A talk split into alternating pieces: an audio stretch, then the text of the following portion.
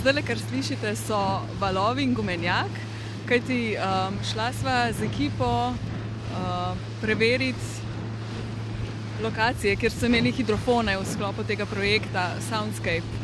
Tako je, smo nekje v zaledju ločenja na odprtem morju, uh, gremo do ene izmed točk, kjer so merili podvodno onesnaževanje. Uh, tukaj so tri člani ekipe.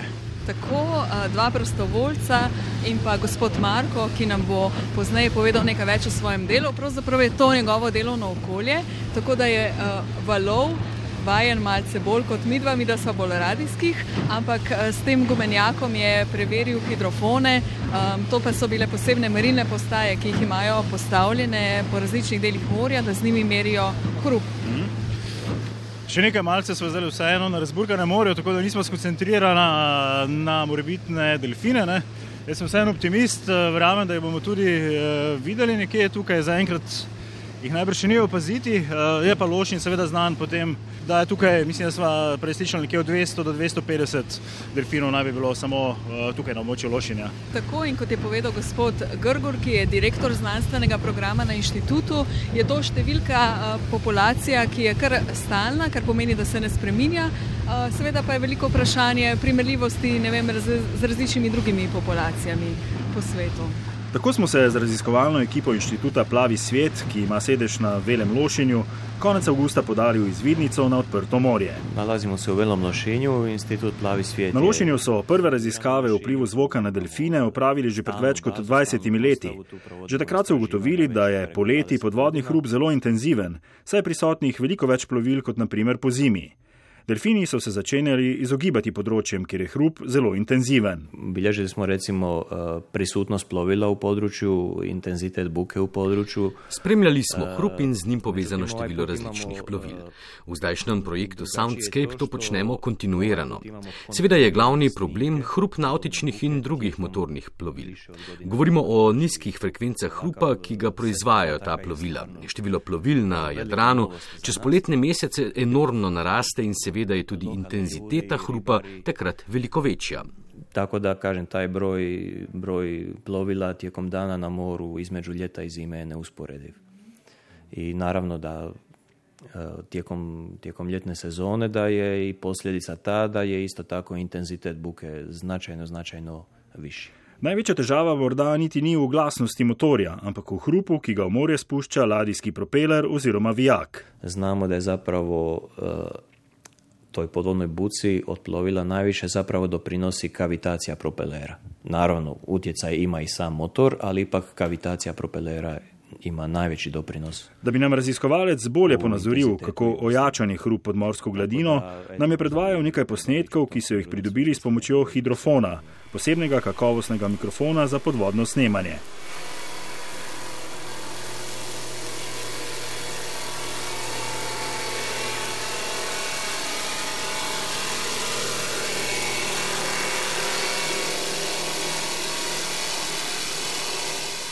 Možemo čuti koliko je to glasno i koliko je to intenzivno i za nas ljude iritantno. Tako da eto imamo tu jednu snimku zvuka kada je jedan brod prošao malo bliže uh, hidrofonu.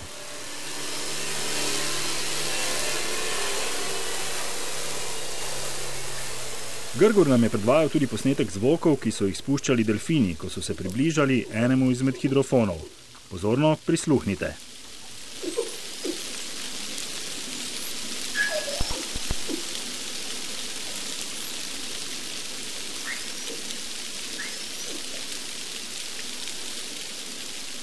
Također imamo i snimke e, također snimljene hidrofonom kada su očito dupini bili dosta blizu, tako da evo i to isto jedan primjer da oni znači dupini ne ima, nemaju samo jednu vrstu zvuka, oni imaju cijeli repertoar tih različitih e, vrsta zvukova Obstaja cel repertoar različnih zvokov delfinov, vsak ima svojo funkcijo. Poznamo zvoke povezane z eholokacijo, z njihovo pomočjo delfini locirajo svoj plen. Obstajajo tudi tako imenovani signature whistles, gre za unikatne žvižge, s katerimi se identificirajo posamezni delfini. Gre za neke vrste njihova osebna imena, s katerimi se povezujejo in tudi sodelujejo. Vemo, da so delfini zelo inteligentne živali in da pogosto lovijo zelo koordinirano. Mora biti efikasna da bi uspješno lovili. A i to se također temelji na zvuku. I kažem, imamo neke vrste zvukova za koje trenutno postoje pretpostavke, međutim još se ne zna koja je njihova funkcija.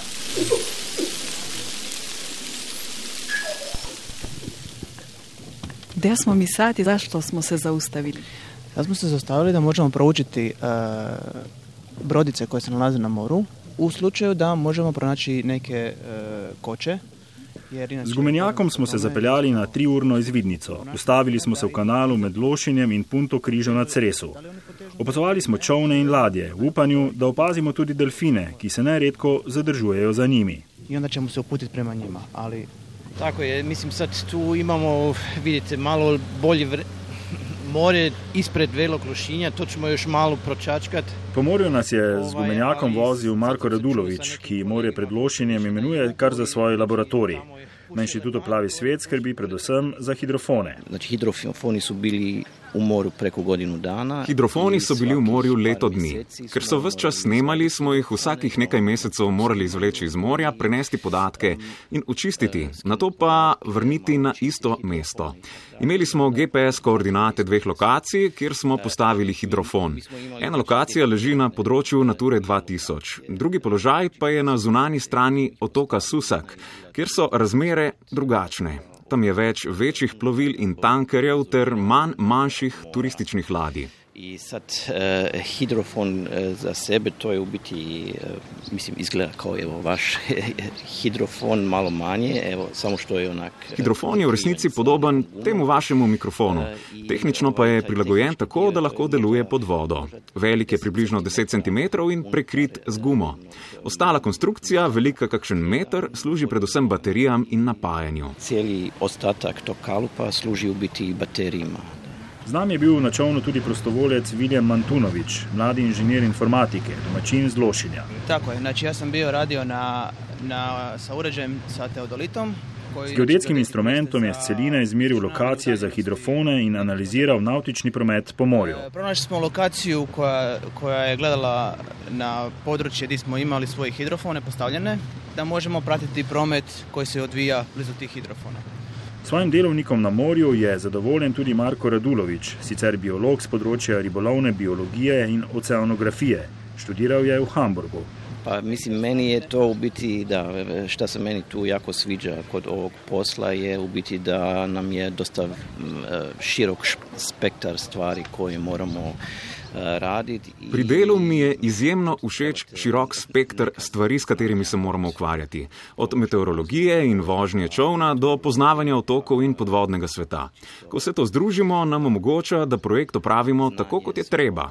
Na morju mi je najlepše, ko je vse tiho. Ko raziskujemo, seveda slišimo motorje našega čovna. Če pa opazimo delfine, se ustavimo in uživamo, kajti motor takrat ne povzroča toliko hrupa. I onda kad nađemo u dupini isto stanemo i onda nam je isto lijepo, pošto i mi vozimo sporije i naš motor je, ovaj, nije tako bučan.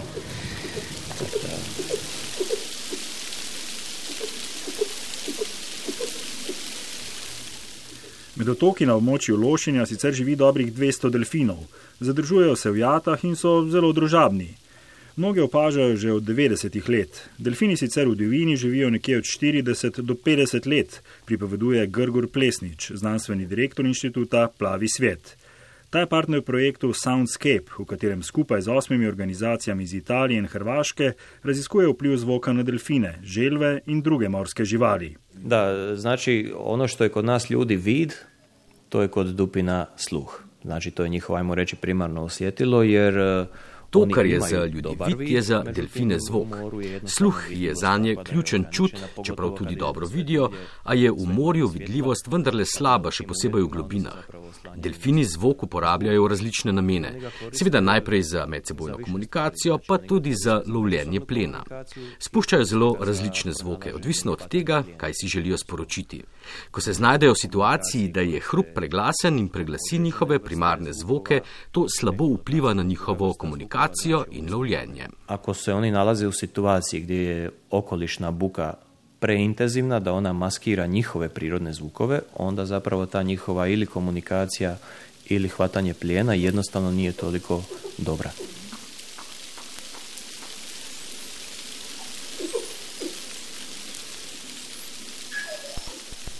Delfini so sesalci, zelo so občutljivi na nenaravne zvoke, razlaga biolog Plesnič. Problem je, da se zvok pod vodo širi veliko hitreje kot po zraku. Morje je veliko gostejši medij. Te vrste zvukova, koje, odnosno izvori zvuka koji mogu uzrokovati baš ozljede, Res močni zvoki, kot so naprimer podvodne eksplozije, lahko povzročijo tudi fizične poškodbe slušnega organa delfinov. Seveda, če je žival zelo blizu zvočnemu izvoru takšne eksplozije. Intenziven in nenadajan zvok lahko poškoduje slušne organe morskih živali. Najbolj pogosto gre za seizmične raziskave v morju, ko se uporabljajo tako imenovani ergani. To vrstne raziskave bi vendarle morali imeti posebne študije o vplivih na morski živelj. Na ladji bi morali biti tudi posebni opazovalci, ki posadko opozorijo na večje jate živali. I također trebalo bi imati promatrače koji su na tom brodu, koji onda konstantno promatraju okoliš da ne bili vidjeli da li je da li su nekakve životinje u blizini. Pogost izvor močnega hrupa so tudi podvodna gradbena dela. Potem je tukaj še uporaba sonarjev. Najbolj znani so primeri, ko je uporaba vojaških sonarjev povzročila smrt številnih kitov. Sonarji dajo kratke pulze zvoka, ki usmerjajo veliko energije oskega obsega v točno določeno smer. Kiti so izgubili možnost orientacije, zašli so v plitvine in tam so poginili i životinje praktički ono kad su u takvom stanju njima je nagon da otiđu u plitko ili se nasuču ili se jednostavno izgube pa se nasuču i slično. Delfini zaznavajo zelo širok razpon frekvenc, od manj kot kiloherca pa vse do ultrazvočnih frekvenc. Da, recimo da, kod eholokacije to znači neki dio, dio tog raspona klikova možemo i mi čuti, ali dobar dio tog eholociranja je zapravo u u ultrazvučnom području, znači preko 20, tisuća, 20 kHz. Del eholociranja lahko slišimo tudi mi, velik del eholociranja pa se že nahaja v ultrazvočnem spektru. Tudi sicer je sposobnost eholociranja pri delfinih neverjetno fascinantna lasnost, tudi za Grgorja Plesniča. Ta sama njihova sposobnost eholokacije, jer onako Pri delfinih me najbolj fascinira njihova sposobnost eholokacije, torej neke vrste navigacije, pri kateri žival oddaja visokofrekvenčne zvoke in s tem ugotovi, kako oddaljen je nek predmet oziroma druga žival, kako velika je, je sovražnik ali prijatelj. Imel sem priložnost videti, kako delfini lovijo ribe, to pogosto počnejo tik pod morsko gladino. Enkrat smo tako opazovali delfina, ki je nekaj centimetrov pod gladino lovil ribe tako, da je bil obrnjen na hrbet. Večja riba je bežala pred njim, vse skozi je bila kakšnih 10 centimetrov pred njim. Umerjeno jo je sledil, na milimeter natančno je vedel, kje se nahaja. Seveda jo je na koncu ulovil. Igral se je z njo, to me je res fasciniralo in dokazuje, kako pomembna je eholokacija in kako hrup zmoti delfinovo življenje. Tako da fascinirala me zapravo ta preciznost njihove sposobnosti eholokacije, koliko ono uspješno mogu nju locirati ispred sebe. Tako da eto, ono, ako znamo koliko je to važna ta osjetljivost te eholokacije, onda vjerojatno znači i da pretpostavljam da im onda i ta buka jako smeta pri tome.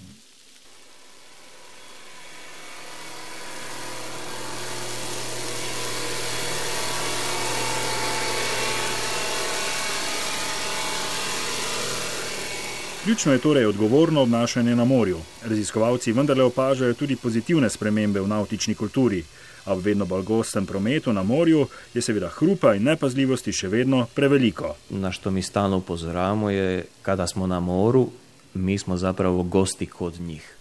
Ljudem seveda ne moremo prepovedati plovbe. Nautike stalno opozarjamo, da kadar smo na morju, smo v resnici gostje morskih živali. Moramo jih upoštevati.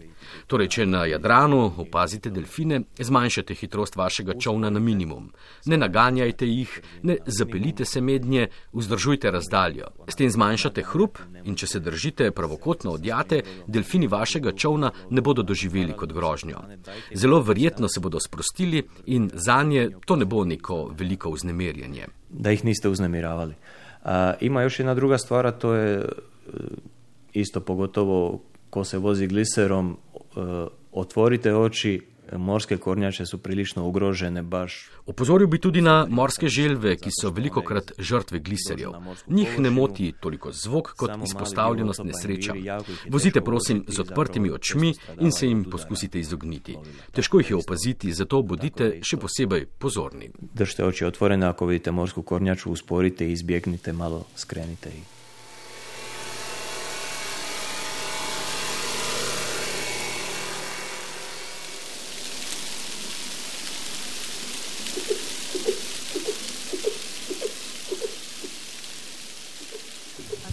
Slušatelje, još jednom gdje smo mi sad?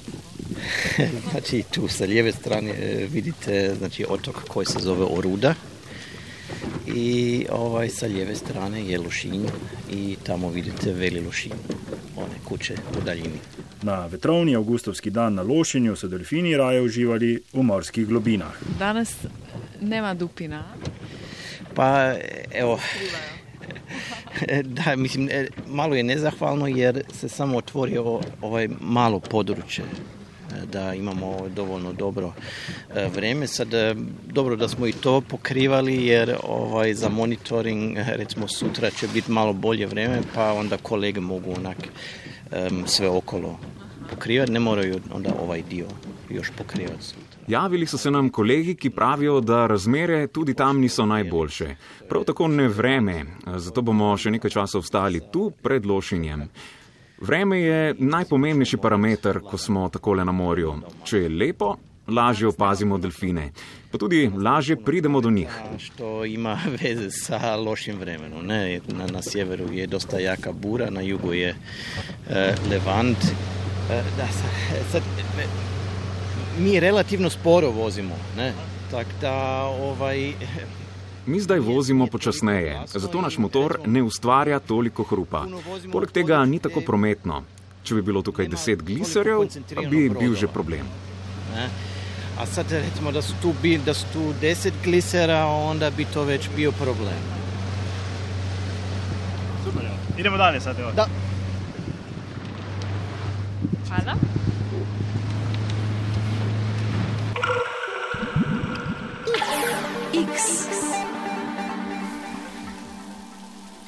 To je bila četrta in hkrati zadnja epizoda serije Frekvence X o zvokih. Reportažo o podvodnem zvočnem onesnaževanju sva na lošenju posnela Mojca Delač in Luka Hvalc.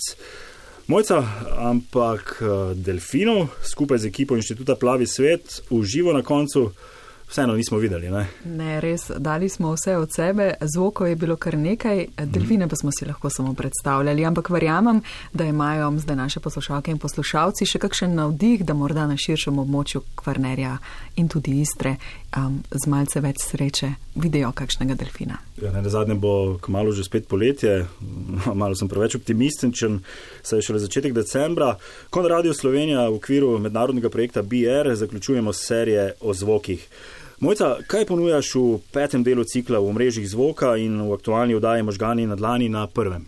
Ja, gremo čez veliko morja, ne čez Jadran, ampak čez Atlantik mhm. v Kanado k zaslužni profesorici dr. Loli L. Kadi, ki je konec 60-ih let prejšnjega stoletja ustanovila enega čisto prvih laboratorijev za glasbeno psihologijo na svetu. Povedala pa bom tudi zgodbo, o kateri je pisal že Oliver Sacks in sicer zgodbo o Cliveu Weringu, človeku, ki je zaradi okužbe izgubil spomin, njegovi možgani so bili poškodovani, skoraj da z vsakim pomižikom se je njegov svet začel risati in pisati ponovno, ampak ostali pa so glasbeni spomini. Aha, bil je, sklepam, da glasbenik. Da, imel je veliko glasbenega znanja in to je ostalo z njim, tudi ko so vsi ostali spomini izginili. In tudi o tem sva se pogovarjali s profesorico Kadi. Zelo zanimivo, priporočava. Dodajeva, da so zanimivo zbirko oddajo zvoku pripravili tudi na našem tretjem programu, programu ARS. Gre za cikl BR zvočenja, ki nastaja v pomoči neuropediatra primarja Igorja M. Ravnika. Vse oddaje v zvoku Arsa 1. in Vala 202 pa seveda lahko najdete v arhivu na naših spletnih straneh in pričakujejo vas tudi med podcasti. Hvala za posluh, zagotovo se kmalo ponovno slišimo tudi na temo zvoka. Vsebine iz projekta BR sofinancira ustvarjalna Evropa.